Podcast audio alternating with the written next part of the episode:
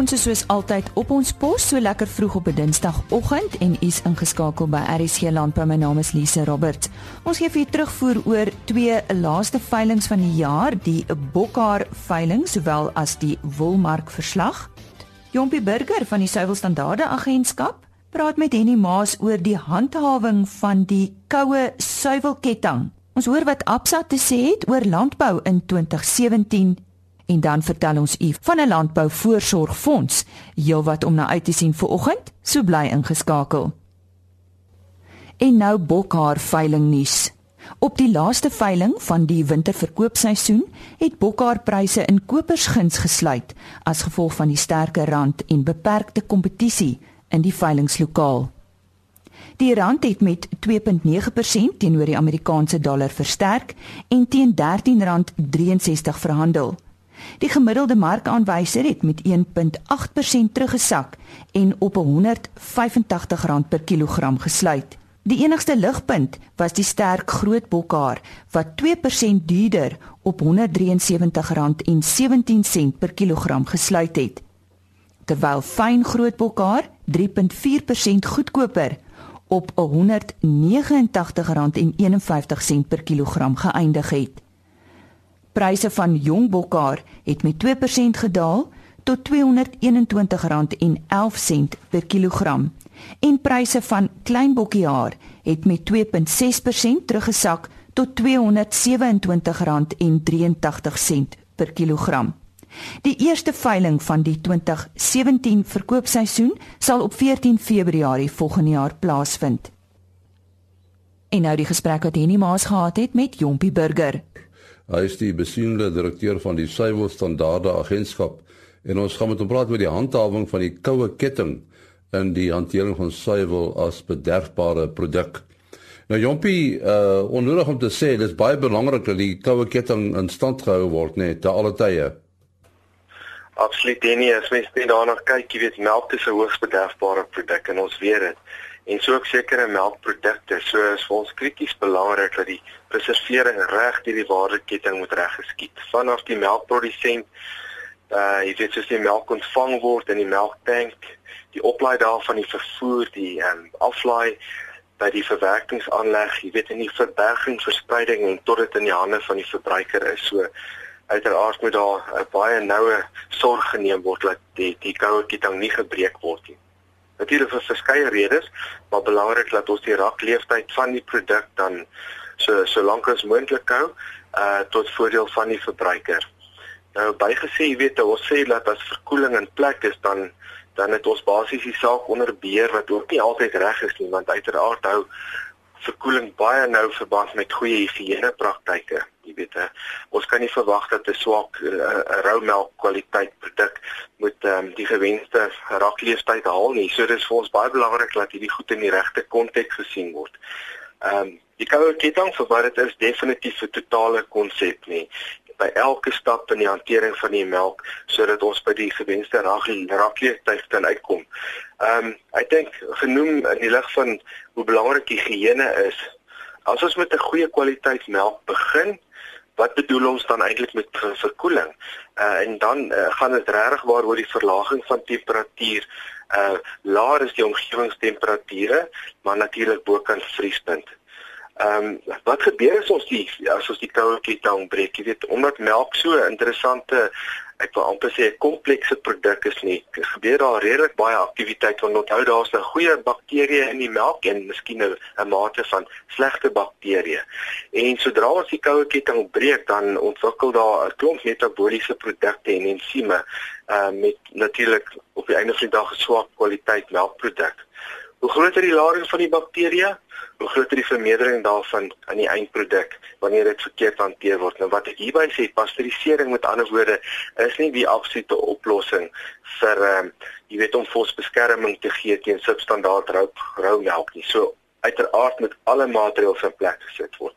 Jy weet, as ons kyk net na melk, is interessant wanneer dit by 4 grade Celsius gestoor word, nê, dan is daar nog steeds 'n groep bakterieë wat aktief kan wees en ensomatiese aktiwiteite kan volg daarop. So, ehm um, Ja, uh, die verkoeling van melk is krities belangrik, maar in aggenome ons moet daadwerklik moeite doen om seker te maak dat enige kwaadwillige bakterieë tot die minimum beperk word. Nou, interessant genoeg, jy weet as jy kyk na melk wat om sê kom ons sê die wet sê as jy melk gaan vanaf die plaas uh, beskikbaar maak vir verdere prosesering dan mag dit nie 'n plaattelling hoër as 200 000 per milliliter in hê nie. Maar as jy nou net vinnig kyk, kom ons praat van 'n telling hier van tussen 200 en 300 000. As jy daai melk vir vir 12 ure teen 30 grade het, net interessant, en dan vermeerder 'n tipiese plaattelling vir so 2 tot 300 000 iewes skielik na 5 miljoen. So dit is dramaties as jy sien hoe aktief 'n bakterie kan vermenigvuldig. En 'n ander tipe voorbeeld is as vat dit wat 15 grade Celsius toe. Vermeerder daai selfde hoeveelheid uh, bakterieë binne 24 uur na 100 miljoen toe. So dit gee vir jou min of meer 'n idee. So maar wat sê die wet daarvan? Ja, ons is ons is baie goed in terme van die regulasies. Ons is goed gereguleer. Ehm um, waar sê byvoorbeeld die vanaf die plaas, hier kom die melk van die koei af en hierdie koei se melk is 34 grade Celsius, soos dit deur die stelsel kom en nou kom dit in die melktank, dan sê die wet ons moet daai melk so gou as moontlik verkoel uh tot onder 5 grade Celsius totdat ons dan natuurlik laat dit opgelaai word. Maar die die wet is baie ehm um, soort van wyd. Hy maak voorsiening vir 3 ure vir 'n afkoelperiode en natuurlik, mense kan verstaan, uh nie almal nie al ons boere is kommersiële boere in in in hierdie konteks nie en party van die boere sukkel wel met um, afkoelingstempos. Nou 3 ure is is regwaar wyd. Meeste boere se uh, boere sal vir sê man ek kry dit reg binne 15 minute tot 'n halfuur. So dis baie belangrik dat die melk so gou as moontlik onder 5 grade gekry word. En dan natuurlik tydens die oplaai van die melk, deur die melkkoper mag daai melk nie hoër as 5 grade Celsius wees nie. En daar moet uit duidelik natuurlik rekord gehou word. Nou wat gebeur tydens die vervoer? Ons weet in Suid-Afrika word melk oor baie lang afstande vervoer. Maar ons het 'n uh, industrie spesifikasie wat sê ehm um, die melk mag nie meer uh, of teen 'n temperatuur is hoër as 7 grade Celsius by die fabriek aanlands nie sodat dit natuurlik nou deur die platform toetse kan gaan maar wanneer daai melk dan wel ingetap word in die ontvangsilo dan word dit weer verkoel onder 5 grade Celsius Dan gaan ons oor die verdere stap. Sien nou maar ons gaan hierdie melk nou pasteuriseer. Dan gaan daai melk deur 'n watte behandelingsproses van 72 grade vir 15 sekondes dan sê die wet uitdruklik weer dit moet onmiddellik afgekoel word na onder 5 grade Celsius waar tydens dan dit gepak word vir verbergingsdoeleindes. Maar tot daaraan, wat sê ons dan verder van die melk? Nou word die melk dan uh, geberg en dit word versprei ehm um, na die winkels, die kettingwinkels toe terwyl dit in die winkel is, mag daai temperatuur van daai melk nie hoër as 4 grade Celsius gaan nie. Dis tydens die vervoer van die finale produk en die en waar dit dan bekend gestel word aan die verbruikers soos wat ons sommer nou kortlik sê nie in die vertoonrakke.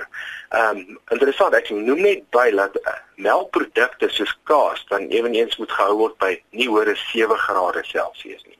So uh, en, en hier kom ek nou by die verbruiker uit. Ek dink dit is baie belangrik dat veral in hierdie warm somermaande waar ons nou is, dat die verbruiker baie versigtig kies uit die produkte wat hy kies. En kyk na die yskas temperatuur as dit moontlik is. Baie van die nuus wys jy digitaal wat is die temperatuur van die yskas.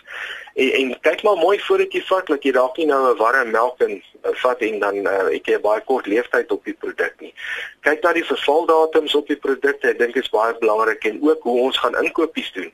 Dat wanneer jy die melk koop of dan daai melkverwante produk of enige ander bederfbare produk wat uiteraard in sinne maar hoender of rou vleis doen daai inkopies laaste. Doen jy as al die ander goed, kry jou bederfbare produk en natuurlik maak seker dat die goed so gou as moontlik by die huis kom in die yskas.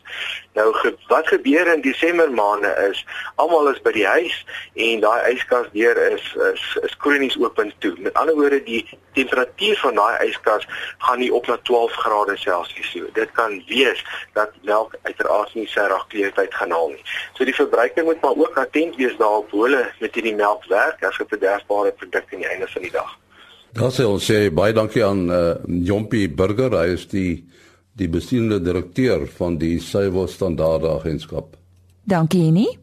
Absa Agri Besigheid het ons onlangs uitgenooi na hulle 2017 landbou vooruitskouing.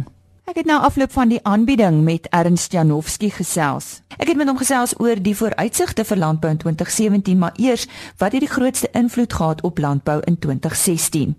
Dis die droogte aan die een kant was was die grootste invloed. Die tweede grootste invloed wat daarop saamgeval het is is 'n uh, ongelukkige des van rooi en met ander woorde die wisselkoers.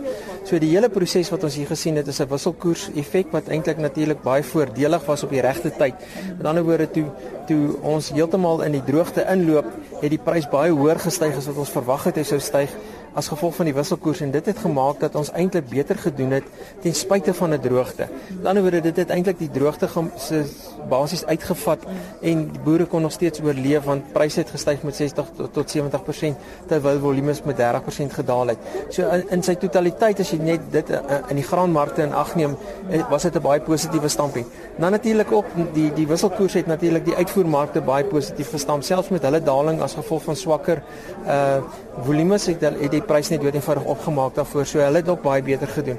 So eintlik was die droogte 'n non-event, maar dit danksy Des van Rooyen was dit 'n non-event geweest. So ons is baie baie dankbaar vir wat die wisselkoers aan ons gedoen het in terme van landbou.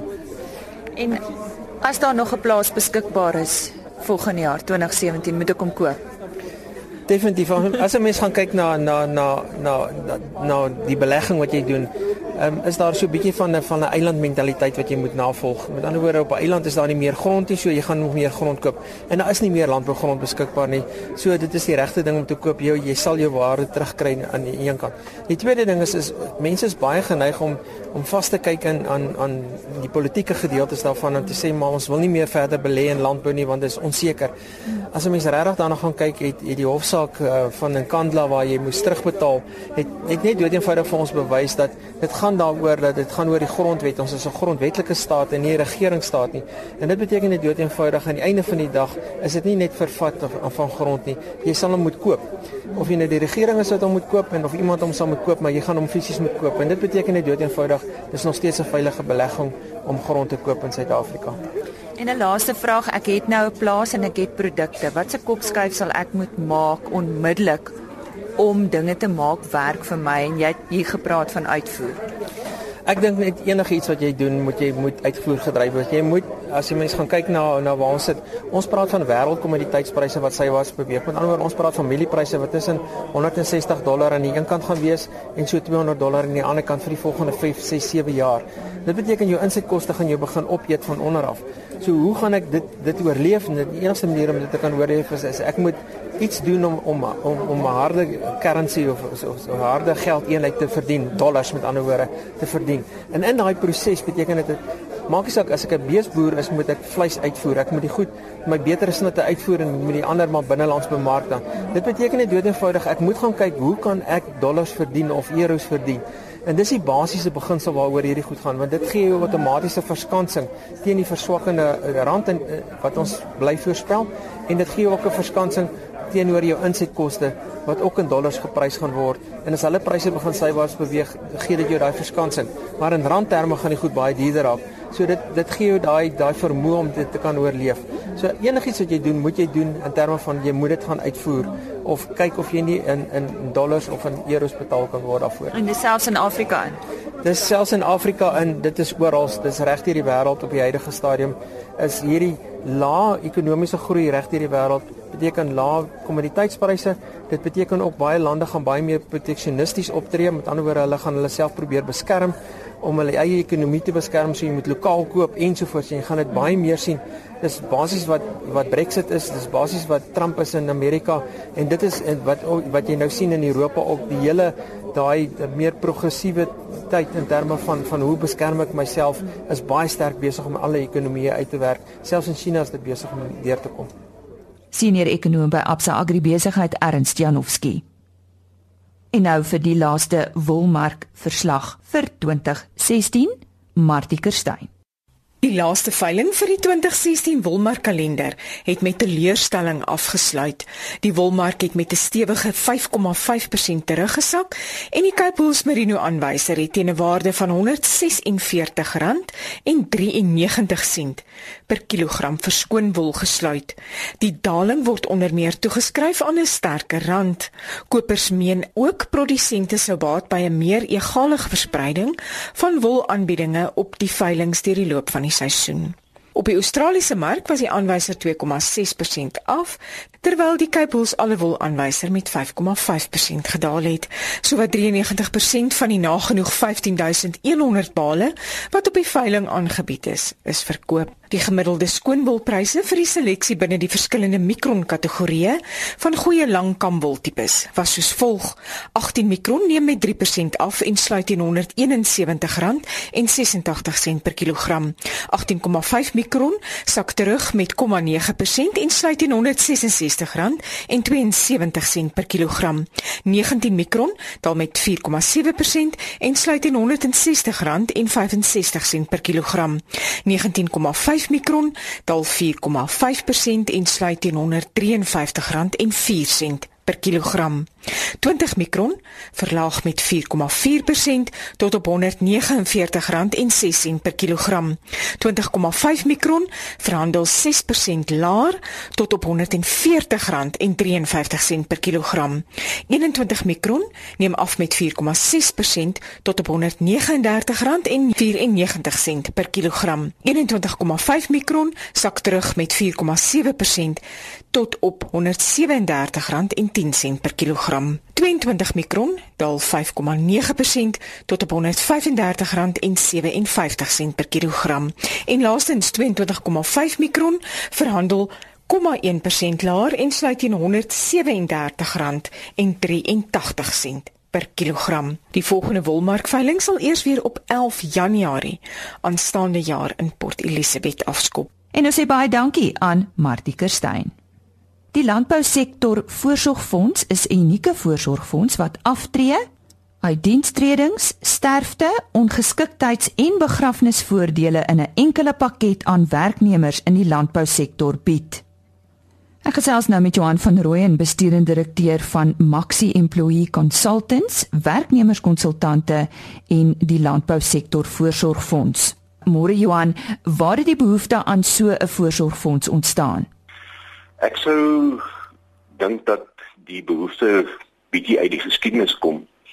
Ehm um, menende dat die werknemers wat op plase in diens is tradisioneel vir baie jare op die plase werk en aftree en soos wat dit nou maar seker moet gebeur baie te sterk kom. En daar was nie werklik 'n uh, unieke geleentheid vir die werkgewer, naamlik die boer om vir hierdie werknemers van hom te, op 'n gesonde manier te kon versorg nie. So dit is waar die fonds hy ontstaan gekry het is om te kyk na daardie behoeftes van die werknemer sou enigiets met hom gebeur byvoorbeeld soos jy nou genoem het aftrede of sterfte of ongeskiktheid uh is daar daarom vir hom voorsiening gemaak kan iemand hom help um, en ons het uit die hoek van daardie redenasie het ons die landbousektor voorsorgfonds in die lewe geroep. Nou hierdie fonds word op 'n hoë vlak deur landbou en finansiële organisasies ondersteun. Watter organisasies is by die fonds betrokke? Die fonds uh, word ehm um, of die die eienaar van die fonds as ek dit so kan kan kan stel is Absa. Ehm um, hulle is dan ook verantwoordelik vir ehm um, die versorging van die fonds, die gesondheidstoestand van die fonds. Die fonds word bestuur deur gekose trustees uh wat onafhanklik is en dan kyk na die ehm um, behoeftes wat in die in die mark ontstaan en die fonds daarvolgens rig en plooi. Die ehm um, ander belanghebbers wat daarbey betrokke is is ehm um, onsself Maxi Employee Consultants. Ehm um, Agri SA is 'n gesiene lid van die trustees ehm um, dan ook die landbouwerkgewers organisasie of in kort gesê die LWO en dan ook natuurlik die TLUSA die Transvaalse Landbou Unie SA. Uh so verteenwoordiging lê wyd en die lede van hierdie verskeie landbouorganisasies ehm um, het dan uit die aard van die saak toegang tot ehm um, hierdie fonds. Jy het eh, met die antwoord op ons eerste vraag half so hier aangeraak om te sê op uh, wie die fonds toegespits is, maar dalk moet jy net hierop uitbrei. Ehm um, die fonds soos wat die naam ook weergee is die landbousektor voorsorg. Ons ek dink die belangrike ding om te verstaan in die benoeming of die benaming van die fonds is die woordsektor. Ehm um, die fonds word aangebied of kan gebruik word deur werkgewers en werknemers wat in die landbousektor uh, opgeneem is of ehm um, diens verrig. Dit beteken dat dit nie net vir plaasarbeiders is nie, maar ook vir mense wat in die sektor werk. Dit beteken dit sou ouens wees wat soos byvoorbeeld kunsmis sou voorsien in die in die landbousektor of gifstowwe in die landbousektor um, of implemente in die landbousektor. So dit is die rede hoekom ons dit die landbousektor voorsorgfonds noem en nie net die landboufonds nie of die landbouwerknemersfonds nie. En dit is waar die ehm um, hoofsaaklike fokus dan ook lê. En wie administreer die fonds? Die fonds word geadministreer deur deur Absa en deur Siavika. Siavika is een van ehm um, Maxi Employee Consultants se onderskrywers en hulle hanteer dan die dag tot dag ehm um, hantering van ehm um, die veranderinge op die fonds, byvoorbeeld die aanwys ehm um, van begunstigdes of die wysiging van enige inligting en dit word dan gesamentlik deur Absa en Siabika gedoen. Watter voordele hou die fonds vir die werkgewer en sy werknemers dan in? Ek dink die belangrikste punt hier is sekerlik gemoedsrus. Ehm um, dit is 'n fonds wat ehm um, 'n eenstop oplossing bied vir die werkgewer en die werknemers. Die feit dat dat dat dit 'n fonds is wat 'n uh, baie goeie ehm um, rekord het in terme van die betaling van eise, die hantering van van inligting en dis meer, maak dit vir die werkgewer en die werknemer eintlik baie maklik. En ons het die elektroniese media bietjie of medium bietjie ingespan hier en ons het 'n 'n webtuiste ontwikkel wat interaktief is wat beteken die boer kan of die werknemer kan dan op enige stadium enige inligting daar bekom, vorms kry om in te vul of verwysigings en dis meer. So die werkgewer en die werknemer het eintlik 'n ideale oplossing in die sin van dis bekostigbaar, dit kyk na al die behoeftes, naamlik aftrede, ongeskiktheid, sterfte, begrafnisse en dis meer. En dit maak dit vir die boer of die werkgewer en die werknemer baie maklik om die fonds te gebruik. Maar ek is seker daar's van die werknemers of selfs die eienaars wat wel so iets in plek het. Wat maak nou hierdie fonds uniek?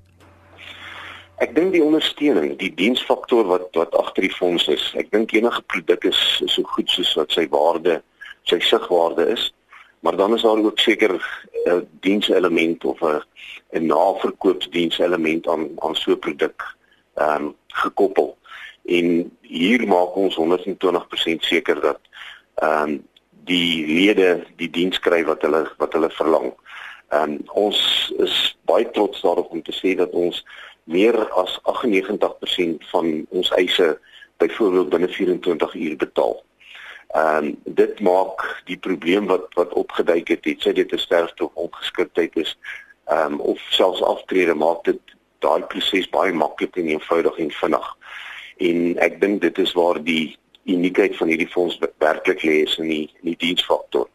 Die die aanbod ehm um, is ook dink ek baie uniek in die sin van dat daar verskillende planne en kategorieë van planne is wat deur die boer gekies kan word saam met sy werknemers om voorsiening te maak vir daai spesifieke behoefte wat hulle het. So dit is nie 'n kwessie van die een produk uh is gemaak pas vir almal nie. Hier is nou die geleentheid waar elke een kan basies 'n plan hê wat vir sy behoeftes voorsien. Waarin lê die waarde dan opgesluit om aan so 'n fonds te behoort, eh, Johan? Ek dink vanuit die boer se oogpunt, ehm um, is daar 'n geweldige hoeveelheid verwagting rakende die sosiale verantwoordbaarheid van van die boer teenoor sy werknemers. Deur van hierdie fonds gebruik te maak, dink ek voldoen die boer 100% aan daai verwagting.